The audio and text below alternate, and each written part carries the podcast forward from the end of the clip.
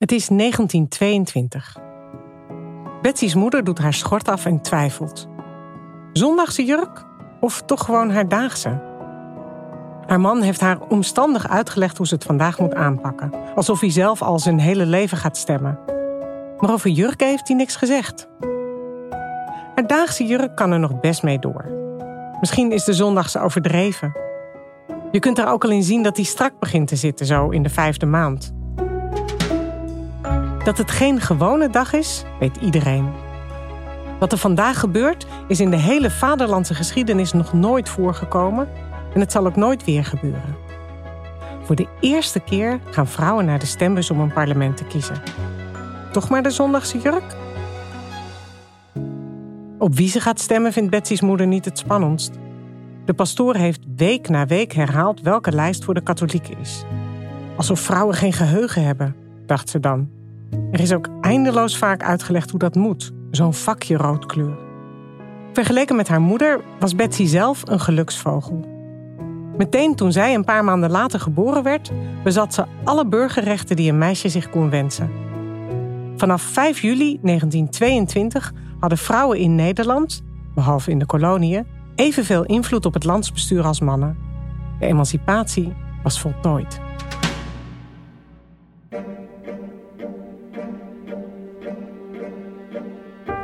In geen enkele eeuw veranderde het leven van vrouwen zo sterk als in de afgelopen 100 jaar.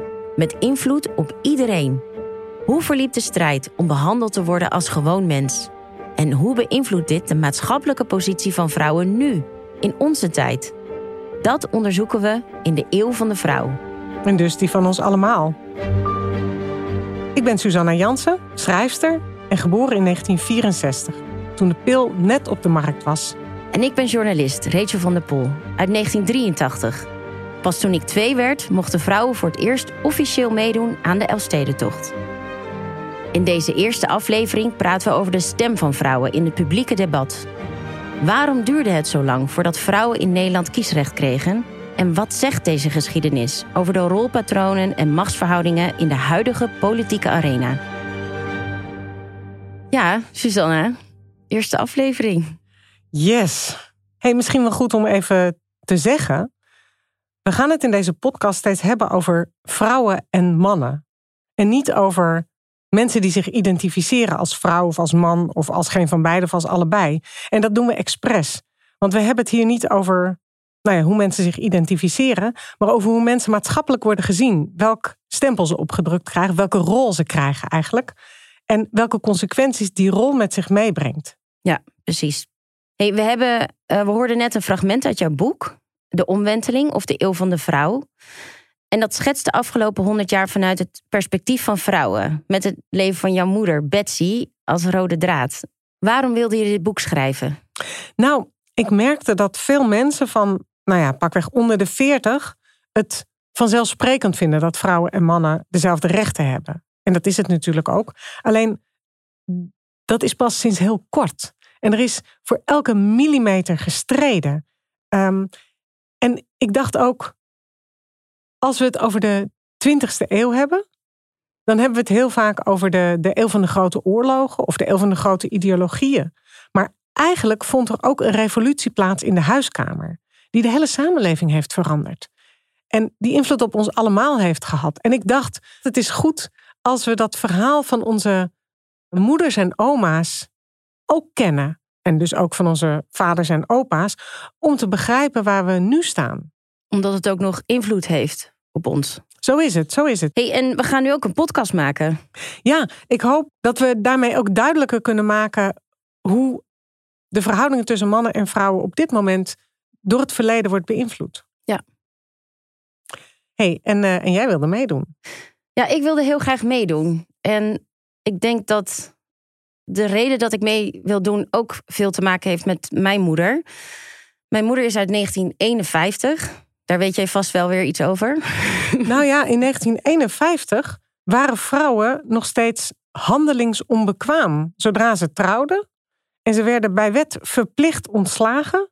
En pas toen je moeder twee was, kwam de eerste vrouwelijke bewindspersoon, staatssecretaris Anna de Waal. Ja, ongelooflijk. Nou ja, dat, dat zegt ook wel weer heel erg veel.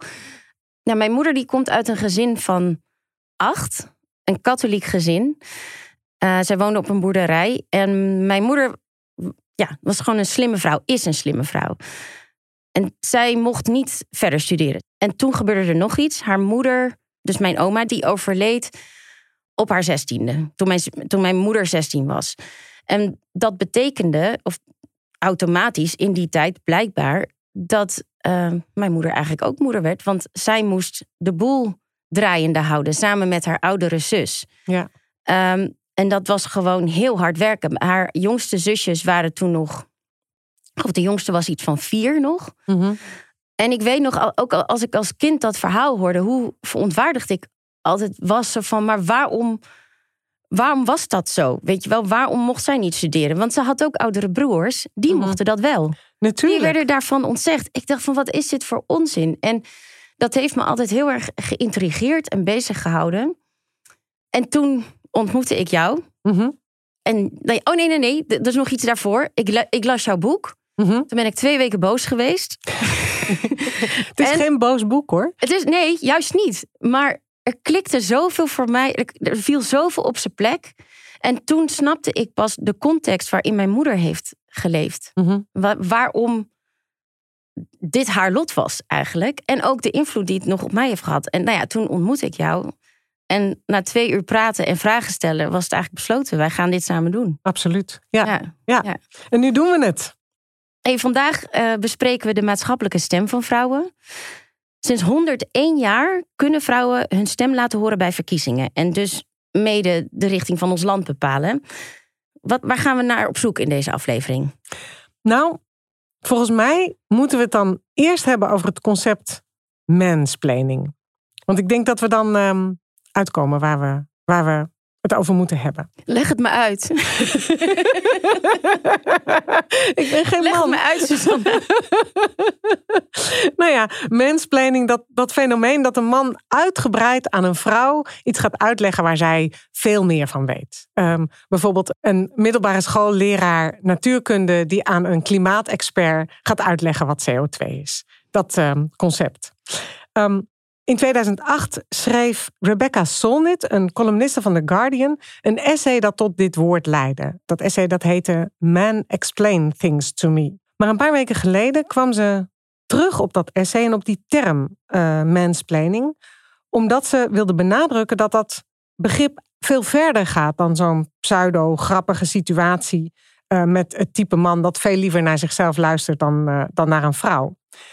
Zij wilde benadrukken dat het gaat over vooroordelen, status en aannames die maken dat sommige mensen meer gehoord worden dan anderen.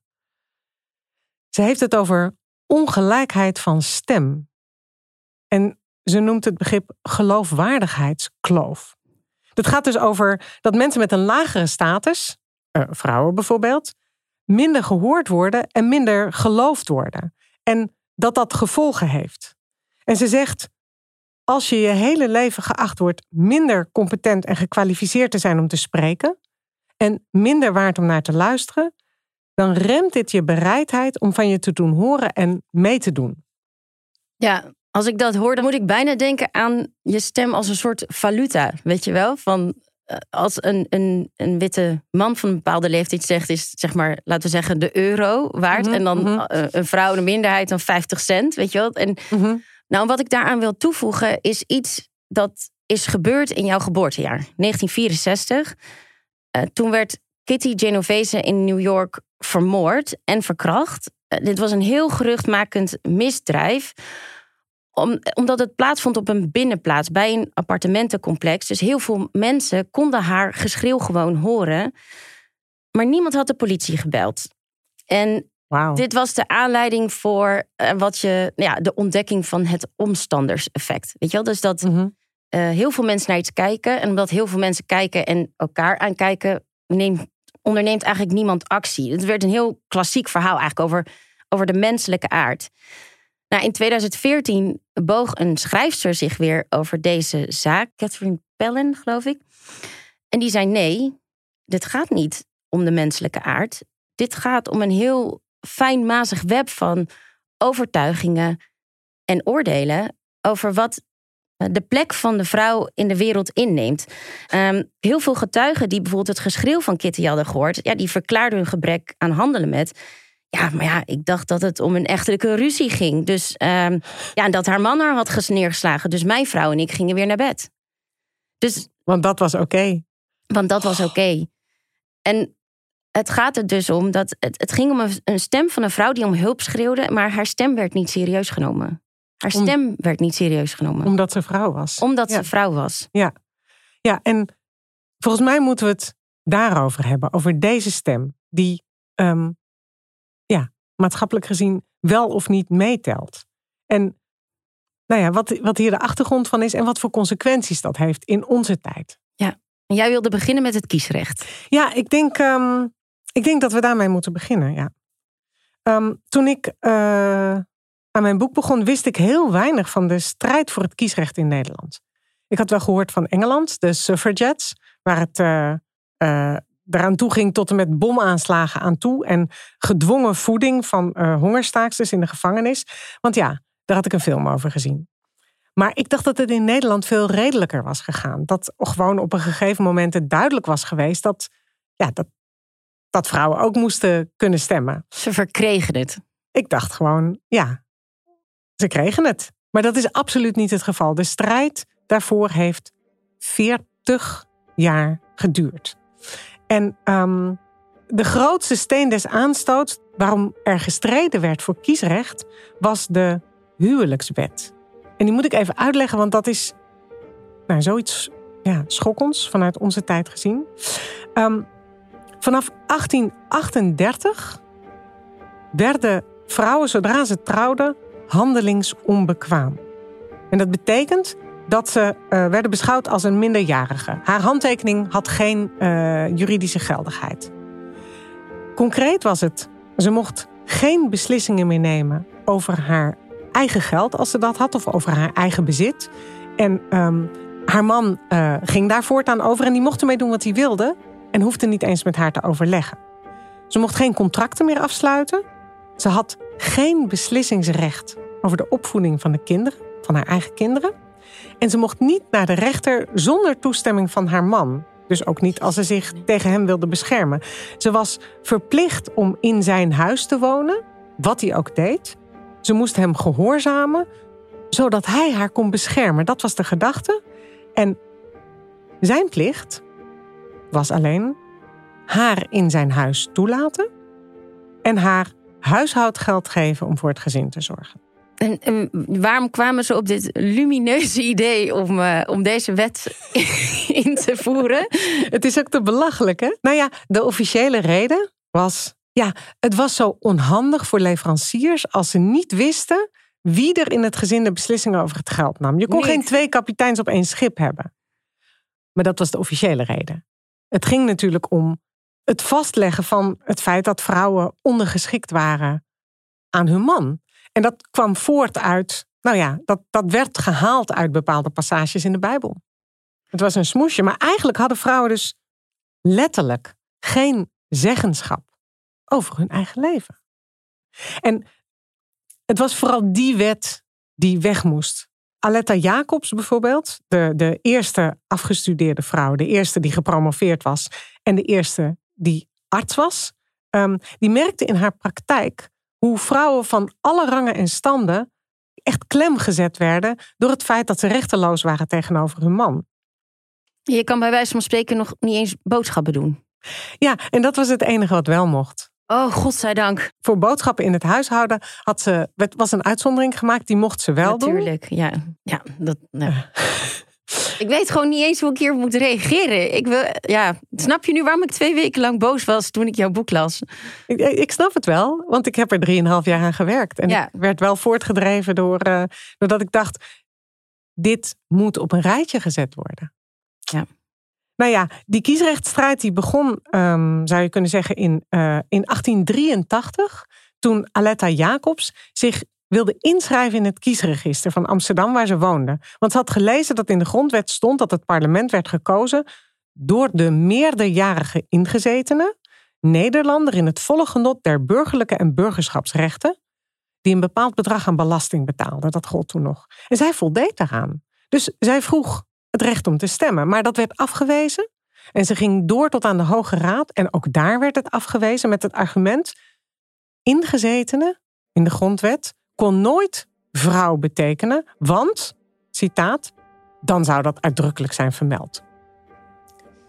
Maar toch, om te voorkomen dat er nog eens iemand, nou ja, dat gat in de wet zou vinden, werd er heel snel het woord mannelijke ingezetenen aan de grondwet toegevoegd.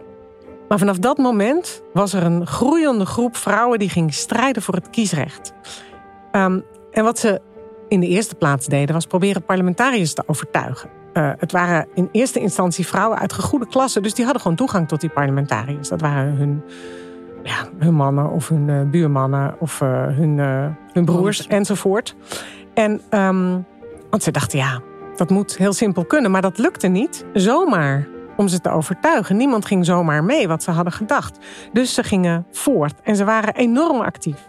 Ze organiseerden bijvoorbeeld tentoonstellingen. Uh, eentje is heel bekend over uh, vrouwenarbeid, waar 90.000 bezoekers kwamen. Waar ze speciaal gebouwen voor lieten neerzetten, die vrouwen. En waar de gemeente Den Haag uh, apart extra trams voor liet rijden. Um, ze hielden internationale congressen waarvoor ze het concertgebouw in Amsterdam afhuurden. ze maakten tijdschriften. Um, ze deden aan politiek lobbywerk. Ze schreven complete wetteksten, zodat uh, die parlementariërs daar geen werk aan hadden. En ze vergaarden stemmen om te zorgen dat het heel makkelijk voor elkaar kon, uh, kon worden gebokst. Maar al die tijd hielden ze zich wel aan de sociale regel dat een vrouw zich in het openbaar bescheiden opstelde. Dus ze gingen niet de straat op. Ze waren geen viswijven. Maar, dus ze gingen, de, oh, ze gingen niet de straat op. Alles ging binnenskamers. Juist. Alles was. Ja, binnenskamers. Dat is, dat is eigenlijk letterlijk hoe je, het, uh, hoe je het moet. Want een vrouw die van zich deed spreken in de publieke ruimte, dat was gewoon niet de bedoeling. Dat was gewoon niet de bedoeling. Dat was gewoon niet haar taak en haar rol. En deze vrouwen, ja, ik denk dat ze het gewoon vonden, maar er zullen er ook bij zijn geweest die het misschien niet gewoon vonden, maar begrepen dat het onvermijdelijk was. Maar toch werden ze keer op keer in de steek gelaten. En pas na 30 jaar, toen er nog steeds geen resultaat was, hadden nog steeds geen kiesrecht uh, veroverd, toen grepen ze pas naar het ordinaire middel van de betoging. Ze gingen de straat op, maar ze riepen geen leuzen. Het liefst zwegen ze. Ongelooflijk, hè? Ik zit dat beeld nu gewoon voor me te halen van gewoon duizenden vrouwen die door de straat marcheren en gewoon niks zeggen. Dat is en weten dat zij strijden voor hun voor een gelijkwaardige stem. En toch zijn ze zelf ook nog overtuigd dat ze hun mond niet open mocht, trekken. Ze wilden laten zien dat ze uh, het waard waren om kiesrecht te krijgen. Dat ze fatsoenlijke vrouwen waren. Ah. En dat hoorde daarbij. Ja. Je bescheiden opstellen. Nee, wat ik, wat ik niet goed snap is ja, die vrouwen die laten van zich horen, die, die, die brengen argumenten aan. Ik bedoel, er is eigenlijk natuurlijk geen spel tussen te krijgen. Maar wat waren argumenten van, nou ja, dus de mannelijke politici om dit tegen te houden? Uh, nou, die waren heel, um, nou, wat zal ik zeggen? Uh, heel gewoon. Namelijk, uh, vrouwen waren te emotioneel en ze konden niet rationeel denken. Um, vrouwen hadden ook geen kennis van de wereld. Dat klopt wel, want vrouwen hadden heel weinig kans op onderwijs. En um, ja, vrouwen waren eigenlijk een gevaar als ze zouden gaan stemmen, want ze waren zo onvoorspelbaar. En dat kon het land in chaos storten. En in het allerbeste geval zou een vrouw dan advies vragen aan haar man op wie ze moest stemmen. Maar ja, dan zou het gewoon een verdubbeling van de stemmen zijn. Dan was het eigenlijk een zinloze exercitie. Dat waren de argumenten. Dit was echt de overtuiging, hè? Maar nu snap ik nog beter dat zwijgen. Want als ze zouden gaan schreeuwen, zouden ze dus de bevestiging geven. Kijk, hoe emotioneel zijn jullie? Nou ja, in 1919 is er uiteindelijk ingestemd met kiesrecht voor vrouwen. En um, wat ik heel schokkend vond, was dat dat nog steeds niet was, omdat het redelijk was. En dat kwam alleen maar omdat in 1918 het rode gevaar naderde. We hebben net de, Russische revolutie, uh, die is in volle gang bezig. En de, de socialistenvoorman Troelstra riep in Nederland in 1918 de arbeidersrevolutie uit. Hij zat ernaast, want er kwam geen revolutie. Maar de gevestigde orde was zich een ongeluk geschrokken. En toen dachten de parlementariërs: als wij vrouwen het kiesrecht geven. Ja, kijk, vrouwen gaan natuurlijk niet massaal op zo'n radicale partij stemmen. Dus dan dempen we dat radicale gevaar. Dat is puur opportunisme. En pas in 1922 kwam het echt in de grondwet te staan. En waren dus de eerste parlementsverkiezingen. En weet je, vervolgens duurde het nog 34 jaar voor die huwelijkswet en die handelingsonbekwaamheid van tafel was. Tot 1 januari 1957. En wat ik ook zo schrijnend vind in het fragment waarmee jij start. Je oma gaat voor het eerst stemmen in 1922. Terwijl ze zwanger is van mijn moeder Betsy. Terwijl ze zwanger is van jouw moeder Betsy. En dat toen de aanname was in de maatschappij. de emancipatie is voltooid. Ja, want vanaf dat moment hadden vrouwen ook een stem. Dus dan moest het vanzelf wel goed komen. En dan is het nu 2023. 101 jaar nadat vrouwen voor het eerst konden stemmen. En pas sinds vorig jaar zitten er evenveel vrouwen als mannen in het kabinet. Ja, dat heeft dus uh, eh, 100 jaar geduurd. En in het parlement zijn we dus nog niet zo ver. En in de provincie en de gemeente ook niet. En Nederland heeft nog nooit een vrouwelijke premier gehad. En ja, ik weet niet of, of je het je herinnert, maar uh, vorig jaar was er een aantal bewindslieden, vrouwelijke, die vertelden dat ze in het vorige kabinet Rutte als vrouwen stelselmatig vaker werden afgekapt, sneller werden afgekapt dan mannen. Ja, 2021 dus. Laten we het hierover hebben met Devika Partiman. Zij is oprichter van Stem op een Vrouw en geboren in 1988. Ja, in dat jaar zaten er 30 vrouwen in de Tweede Kamer, 20 procent, en 19 in de Eerste Kamer. En het is drie jaar na de eerste actie om op een vrouw te stemmen. En die heette Actie MV 50-50. Maar uh, nou ja, zover zijn we dus wellicht nog niet. Welkom Devika. Fijn dat je er bent. Ja, leuk dat je er bent. Ja, Stichting Stem op een Vrouw. Wat houdt het idee in? Um, nou, we zijn begonnen met uh, een, een idee uit Suriname. Daar bestond een uh, Surinaamse vrouwenorganisatie in de jaren negentig, het Vrouwenparlament Forum. En die hebben een campagne toen gevoerd in, uh, in Paramaribo. Die heette Stem op een vrouw.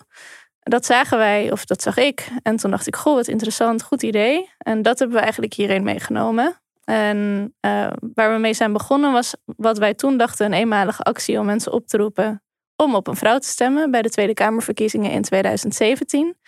En uh, al snel kwamen we er eigenlijk achter hoeveel mensen dat al doen. Er zijn al heel veel mensen in Nederland die op een vrouw stemmen, alleen uh, vaak op die eerste vrouw op de lijst. Ja. Dus wij zijn er toen aan het gaan toevoegen. Niet automatisch op die eerste, maar kijk juist wat lager, want die eerste heeft vaak je stem niet nodig. Die staat al hoog, die haalt er zetel wel.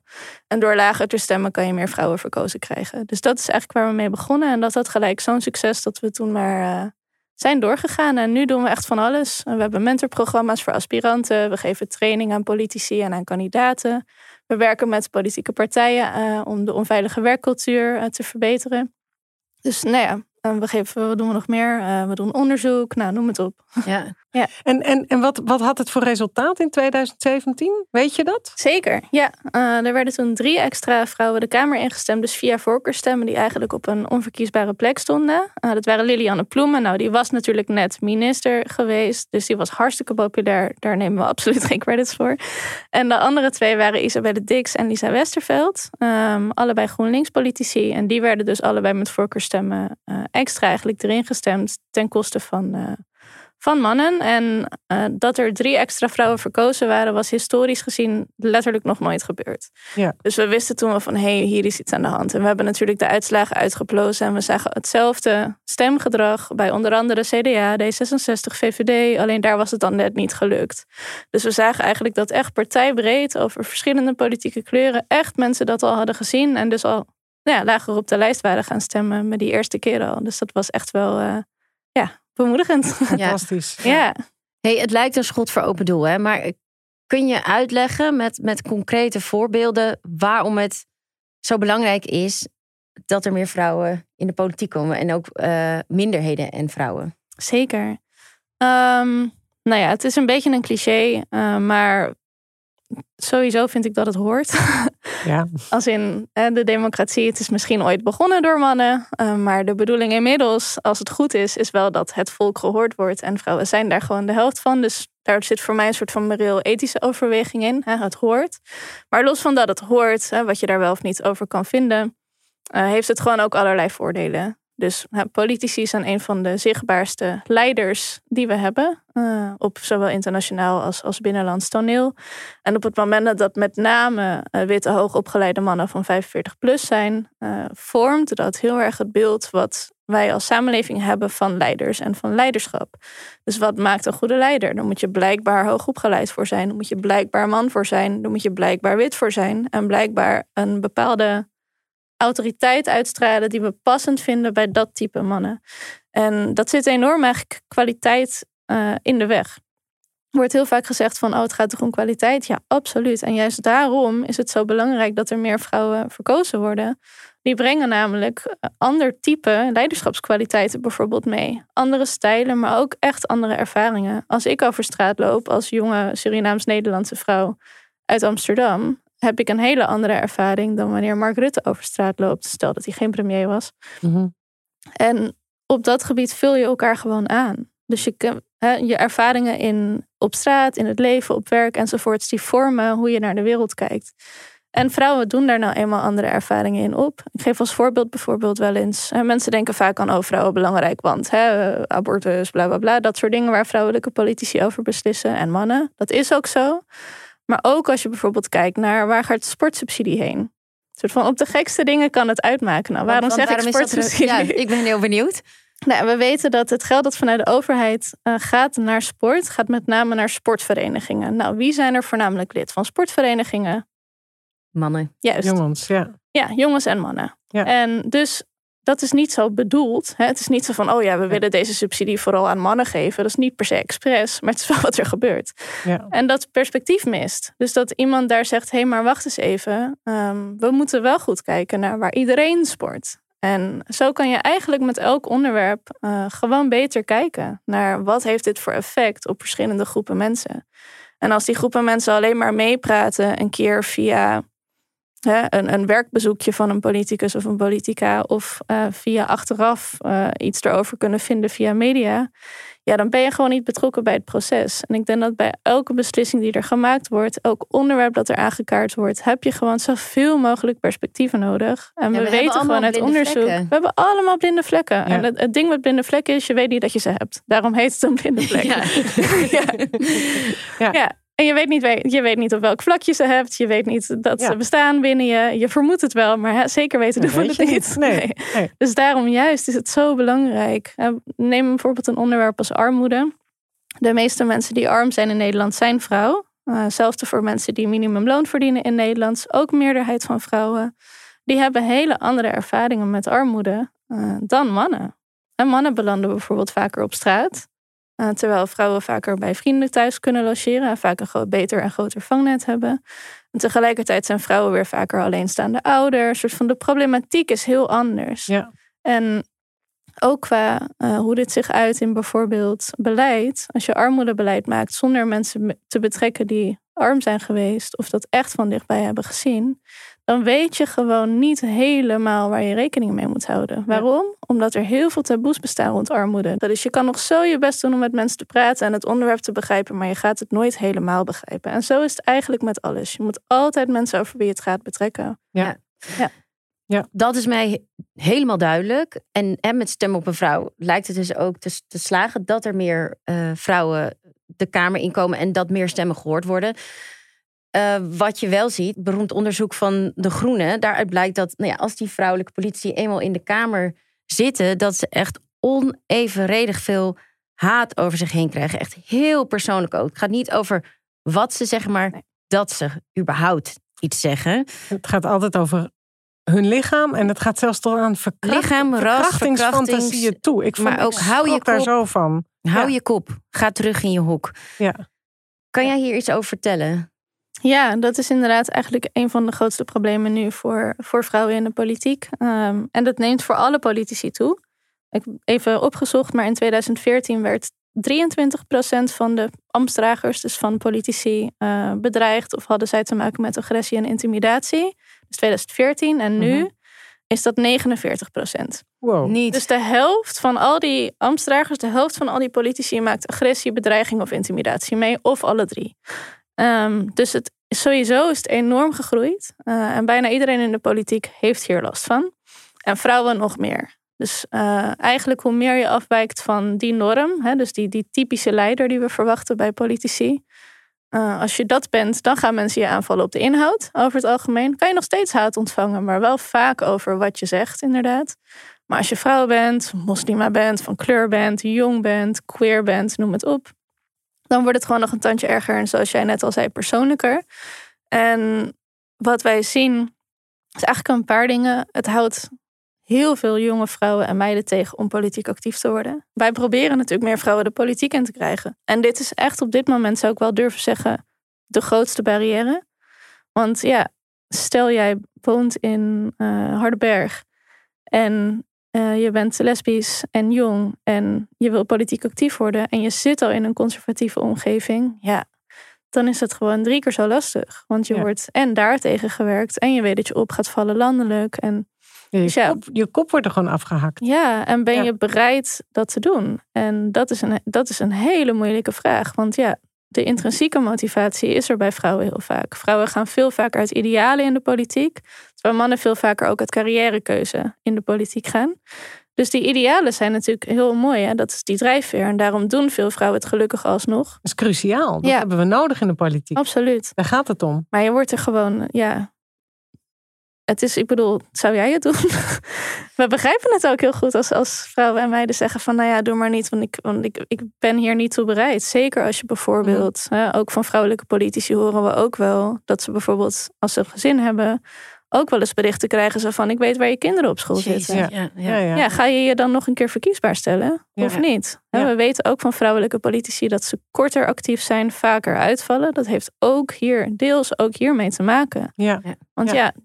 Het gaat niet alleen maar om jou meer dan, niet alleen maar om je eigen veiligheid, maar ook om je omgeving. En dat is gewoon super gevaarlijk en, uh, en ja. heel antidemocratisch en heel bewust antidemocratisch. Nou, ik wil hier ook graag op inhaken. Kaag die, hè, die, werd ook, uh, die had ook meegewerkt aan het onderzoek. Die krijgt mhm. ieder kwartier een haatdragende tweet. En zij zegt Wacht hierover. Wacht even. Ze krijgt dus ieder kwartier. Ieder kwartier. Een haatdragende tweet. Dat mogen we wel even benadrukken. Dat, is, dus, dat geloof je niet. Nee, dus bedoel, in de tijd dat wij nu dit gesprek voeren, hadden we alweer iets over ons heen gekregen van. Nou, heeft zij iets over zich heen gekregen? Heeft zij iets over zich heen gekregen, ja, ja. precies. Uh, zij zegt hierover, kijk, het bredere patroon is dat tegen vrouwen en meisjes wordt gezegd: praat niet, heb geen mening en durf er niet voor te staan. En ik moet hierbij ook denken aan het historische stuk wat jij net um, aan ons vertelde. Dat op het moment dat die vrouwen ruimte probeerden in te nemen, dat er zo hard werd teruggeduwd. En ik heb het idee dat het is gewoon niks nieuws.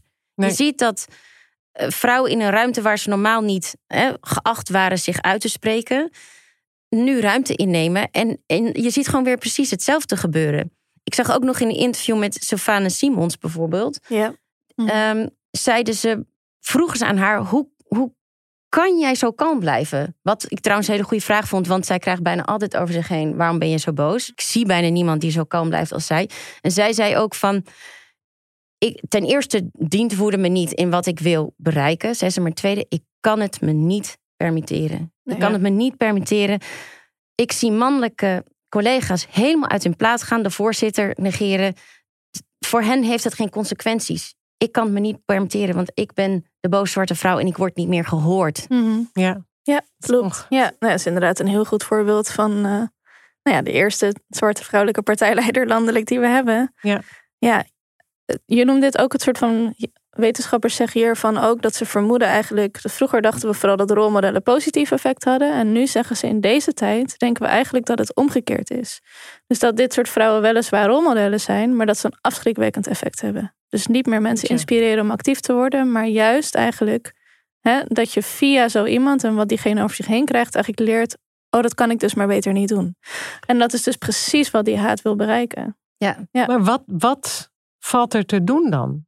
Ja, daar zul jij het antwoord ook niet op hebben, maar Nee, nou ja, dat, dat vinden wij ook best een moeilijke. Want aan de ene kant, hè, het wordt, je moet zorgen dat het normaal wordt. Zolang mensen in hun eentje staan, zolang mensen opvallen, omdat ze eigenlijk dus afwijken van een dominante groep die actief is, ga je dit houden. Um, en je moet dat doorbreken in ieder mens hun hoofd. En dat is natuurlijk heel lastig, want je kan, hè, je kan wel zorgen voor meer, hè, meer vrouwen in de politiek. Maar als ze net zo hard weer uitvallen, dan hè, ben je na vijf jaar weer terug bij af. Dus je moet en zorgen voor toename van vrouwelijke politici. En je moet zorgen dat politieke partijen een veel veiligere omgeving voor hun gaan bieden en zich veel sterker gaan uitspreken over hier trekken we een lijn. En niet alleen over vrouwen in hun eigen partij, maar juist ook voor vrouwen bij andere partijen die dat meemaken. En dat gebeurt nog nauwelijks. En er moet veel betere wetgeving komen. Met name als we het hebben over online. Daar kunnen nu nog heel veel dingen die in het fysieke domein absoluut niet kunnen en wettelijk gewoon niet legaal zijn. En online nog kunnen. Waarom? politiek gaat zogenaamd over de toekomst, maar is eigenlijk een heel traag oud bedrijf. En internet is relatief nieuw. Komt uit de jaren negentig. We zijn nu nog maar 30 jaar verder. Daar hebben we dus nog geen wetgeving op. Tenminste, nauwelijks. Dus... Wordt daar wel aan gewerkt op dit moment? Ja, met name in Europa uh, zijn dus ook weer met name vrouwelijke politici bezig met. Uh, wetgeving rond algoritmes, wetgeving rond sociale, sociale media platforms, om hen veel beter aan banden te leggen, verantwoordelijk te houden voor wat er op die platforms gebeurt. Uh, maar ja, dat, dat zijn ook weer langzame processen. Ja. ja. Ik heb misschien een beetje een hoopgevend bericht. Ik heb een jonge politica gesproken, die had een reactie op onze uh, trailer. Lisanne van Damme. Zij zit bij de jongere partij van D66 en ze is medeoprichter van Young Women in Politics nou ja, zij legt dus uit waarom ze dit op uh, heeft gericht. Laten we heel even luisteren. En waardoor dit is opgericht, uh, is dat ik heel erg merkte bij mijn jongerenverenigingen, dat is volgens mij bij andere jongeren, politieke jongerenverenigingen ook zo, dat heel vaak toch mannen uh, moties schrijven, verdedigen, inspreken, met debatteren heel erg aanwezig zijn en dat vrouwen toch wat minder zichtbaar dan zijn. En dat vind ik ontzettend jammer, want juist bij die politieke jongerenverenigingen begint al eigenlijk uh, de politieke pool. Dus waar je later de mensen die in de politieke jongerenverenigingen zitten, die gaan later ook de politiek in. Uiteindelijk is het ook dat we mannen willen betrekken bij dan de organisatie. Uh, bijvoorbeeld dan bij de politieke jongerenorganisaties is het niet alleen dat vrouwen meer op het spreekgestoel moeten gaan zitten, maar ook dat mannen moeten gaan inzien van het gaat er niet om dat je elke keer inspringt bij een motie. Want op een gegeven moment is het belangrijk meer wat de inhoud is en dat iedereen zijn of haar verhaal kan doen. Altijd als ik bij D66 ben, ook bij het vrouwennetwerk, het Elsborst-netwerk, uh, is dit het thema. We moeten mannen betrekken. En uh, het is super belangrijk, dat klopt. Uh, maar wat ik er wel altijd een beetje problematisch aan vind, is dat er vaak niet voldoende tijd wordt besteed aan met vrouwen onderling bepalen waar betrek je die mannen dan mee? Wat is onze agenda? Wat willen we van die mannen? Want op het moment dat je zegt vanaf het eerste moment mogen mannen meepraten, krijg je dus alsnog, zelfs als er maar 10% mannen op zijn bijeenkomst is, dat die mannen weer de boventoon gaan voeren. Um, en, zo, en er zijn veel mannen die echt wel iets willen doen. Hè? Begrijp me niet verkeerd, wij spreken ze ook. Die echt zeggen van, joh, wat kan ik doen in mijn eigen omgeving, in mijn eigen partij? Maar je moet daar wel een concreet antwoord op hebben. Ja, dan kom je, je er vanzelf weer in die rolpatronen. Dan glip je er weer in. Ja, ja, ja. ja. Het is een uh, slippery slope. Totaal, ja. Absoluut. Ja. Maar het is wel, ik bedoel, er zijn gelukkig wel veel mannen die het belangrijk vinden. En je kan ze ook heel erg uitleggen hoe ze er zelf, ja, dat ze er zelf baat bij hebben. Voorbeeldje, ja, we hadden het daar in het voorgesprek over, is dat vaderschapsverlof, wat nu via uh, Europese wetgeving een beetje is uitgebreid. Dat zijn een paar extra dagen geworden. En Nederland had een van de, de kortste vaderschapsverlofperiodes uh, van heel Europa. Uh, dat is nu via Europa dus gedwongen iets meer geworden. Mm -hmm. En dat is dankzij vrouwelijke politici. Die zeggen, hé, hey, um, mijn partner, die man is, um, kan eigenlijk dus nauwelijks helpen. Uh, heeft veel minder de kans om eigenlijk in die eerste hele cruciale periode dat je baby net geboren is, uh, bij te springen. En zou het niet. En voor een gelijke positie voor vrouwen is het belangrijk dat dus niet het grootste deel van die zorg bij vrouwen komt te liggen. En door zo'n kort vaderschapsverlof liepen vrouwen er eigenlijk tegenaan. Ik word in die rol gedouwd en mijn man ook. Dus vrouwelijke Ja, dat- politici zijn dit gaan agenderen. Dit herken ik zo erg. Want hè, zoals zoveel stellen zeggen we, wij gaan het echt gelijk doen. En je staat erbij en je kijkt ernaar. Ja. Ik lag helemaal in de kreukels na mijn bevalling. Derde van mijn bloed verloren. Poeh. En mijn partner had twee dagen Ja. verlof. Twee dagen. En ik kon erg? niks. Dus als Ja. mensen zeggen van ja, sperma van mijn bedshow. Ik zo nee, het is letterlijk in je bed. Ik lag in bed en ik kon er niet uit. En hij moest weer naar zijn werk. Ja, tuurlijk, hij vrijgenomen. Mhm. Ja, maar ja, dat maar kan is- niet iedereen. Het gaat letterlijk tot in je bed. Mhm. Ja. Ja. Ja, En daarom hebben we al die stemmen nodig. Ja, Alle en- stemmen moeten gehoord worden. Absoluut, ja. Laatste vraag. Wat is het resultaat geweest van stem op een vrouw bij de afgelopen provinciale verkiezingen? Oeh, ja, dat, daar wachten we dus nog op. Het daar wacht je nog eh, steeds Ja, op? als het goed is komen vandaag de procesverbalend, zoals dat heet, naar buiten. Met de voorkeurstemmen daarin. We wachten in spanning af. Nou, Ja. weet je, de opnames gaan nog door. Dus als we nog wat resultaten hebben en je kan ze doorsturen, kunnen we ze nog delen. Ja, dat is goed. Eh, wat misschien wel leuk is om te weten, eh, Lisanne, die we net hoorden, die is eh, gekozen als statenlid. Oh, dus wat goed. ja, gefeliciteerd Lisanne bij deze. Ja, inderdaad. Lekker bezig. Ja, en bedankt Devika voor jouw komst. Heel graag gedaan. Weet je, ik ben eigenlijk ook best geschrokken van wat Devika zegt. Dat online haat nu echt vrouwen en meisjes tegenhoudt de politiek in te gaan. En dat vrouwelijke politici er eerder door afhaken. Terwijl die juist heel gemotiveerd zijn. En nodig zijn. Dit is dus waarom het allemaal zo tergend traag gaat. Dat steeds weer teruggeduwd worden in je hok door mensen die er niet tegen kunnen dat dingen veranderen. Dat vrouwen ook een stem hebben en die laten horen. Ja, ik, ik ben ook geschrokken.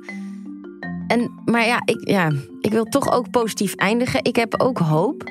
Kijk, het feit dat er zo hard wordt teruggeduwd... toont natuurlijk ook wel aan dat er dingen veranderen. Anders is er niks om op te duwen, toch? Mhm. Dus Ja? nou ja, Tolstoy schreef, en dat vind ik zo'n mooie quote. eh, hij schreef ja, dat de geschiedenis is opgebouwd uit het gezamenlijke effect van de vele kleine dingen die doodgewone individuen iedere dag doen. Hij schreef een oneindig groot aantal oneindig kleine handelingen. Ja, en dan denk ik toch ook aan een Lisanne van Damme die we net hoorden, die zich partijoverstijgend met andere jonge vrouwen, vrouwelijke politici organiseert, ook op Europees niveau. Ehm, ja, de Devika's van de wereld die zorgen dat er meer vrouwen in de Kamer komen. Hun stemmen tellen allemaal bij elkaar op. Alleen, ja, je weet gewoon nooit wanneer en op welke manier dit precies effect gaat hebben. Want verandering gaat nou eenmaal chaotisch en schokkerig. Ik bedoel, kijk maar naar wat jij vertelde. Hè? Al die vrouwen en mannen die tot 100 jaar geleden streden voor kiesrecht. Dan zet je je 40 jaar voor in. En dan wordt het ingevoerd als soort troef om die rode troelstraat te blokken. Maar dan denk ik ook, ja, als ze dat niet al die decennia op de ag- agenda hadden gezet en die wetten al klaar hadden liggen, dan was dit dus waarschijnlijk nooit de troef geweest waar die zittende macht mee was gekomen. Dus ik denk toch dat de boodschap is: ja, volhouden en meedoen. Vrouwen en mannen. Je luisterde naar de Eeuw van de Vrouw. En dus die van ons. Wacht, wacht, wacht, wacht even, wacht even. Ik moet nog iets belangrijks zeggen. Devika vertelde net toen ze de studio uitliep dat Nederland wel vrouwelijke premiers heeft gehad. Vijf zelfs. Op de Nederlandse Antillen. De eerste in 1977. Oh, wat erg. Ja, over blinde vlekken gesproken. Ja, Oké, mag ik nu verder met de outro? ga je gang. Je luisterde naar De Eeuw van de Vrouw en dus die van ons allemaal. Deze podcast bouwt voort op het boek De Omwenteling of De Eeuw van de Vrouw van Susanna Jansen. Wil jij kans maken op een exemplaar? We verloten drie boeken per aflevering. Ga naar www.eeuwvandevrouw.nl om mee te doen. En eh, Rachel, waar gaan we het volgende keer over hebben? Over de positie van vrouwen op de arbeidsmarkt. Goed plan. Waardeer je deze aflevering? Volg dan deze podcast. Deel hem met je vrienden, graag ook met je mannelijke vrienden. En geef ons een review. Dat helpt anderen de podcast ook beter te vinden. De Eeuw van de Vrouw is een podcastproductie van VBK Audiolab, Ambo Antos Uitgevers en Audiohuis. Redactie is in handen van Suzanne Jansen en mij, Rachel van der Pol. Projectmanagement door Pauline Reinders. Mixage en mastering Gijs Vriesen. Regie en montage Suzanne Terol.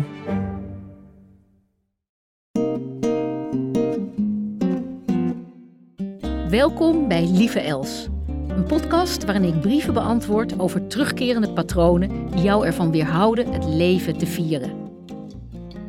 En zo zie je maar weer dat patronen uh, die onvoldoende aan zijn gekeken, ja, die gaan door vaak naar de volgende generaties. En een van de wetmatigheden is ook van dat wat je afwijst bij je ouder, dat installeer je ook vanuit een onbewuste loyaliteit bij jezelf. Mijn naam is Els van Stijn. Ik ben coach, familie- en organisatieopsteller en auteur. Bekend van de bestseller De Fontein, Vind je plek. En ik ben Rachel van der Pol, jouw host. Ik laat nooit in een opstelling uitspreken: ik hou van jou. Dat resoneert niet. Ik laat wel uitspreken: ik zie je. En dan voel je gewoon dat er in een lichaam iets anders gebeurt. dus de Belgen hebben het veel bij ik zie u graag. Oh ja, prachtig hè? Ja. Met deze podcast hopen we meer inzicht te geven in familiesystemen en de bijbehorende krachtenvelden die ons leven beïnvloeden. Ik leef. En dat neem ik als een groot geschenk aan, want het leven is bijzonder. Als je al je voorouders achter je zet, tot helemaal tot het begin. Als één iemand niet op die plek had gestaan, dan was jij er niet geweest. Zo simpel is het. Dus het leven is een heel groot geschenk. En daar zeg ik ja tegen. Luister naar Lieve Els vanaf 6 februari in je favoriete podcast-app.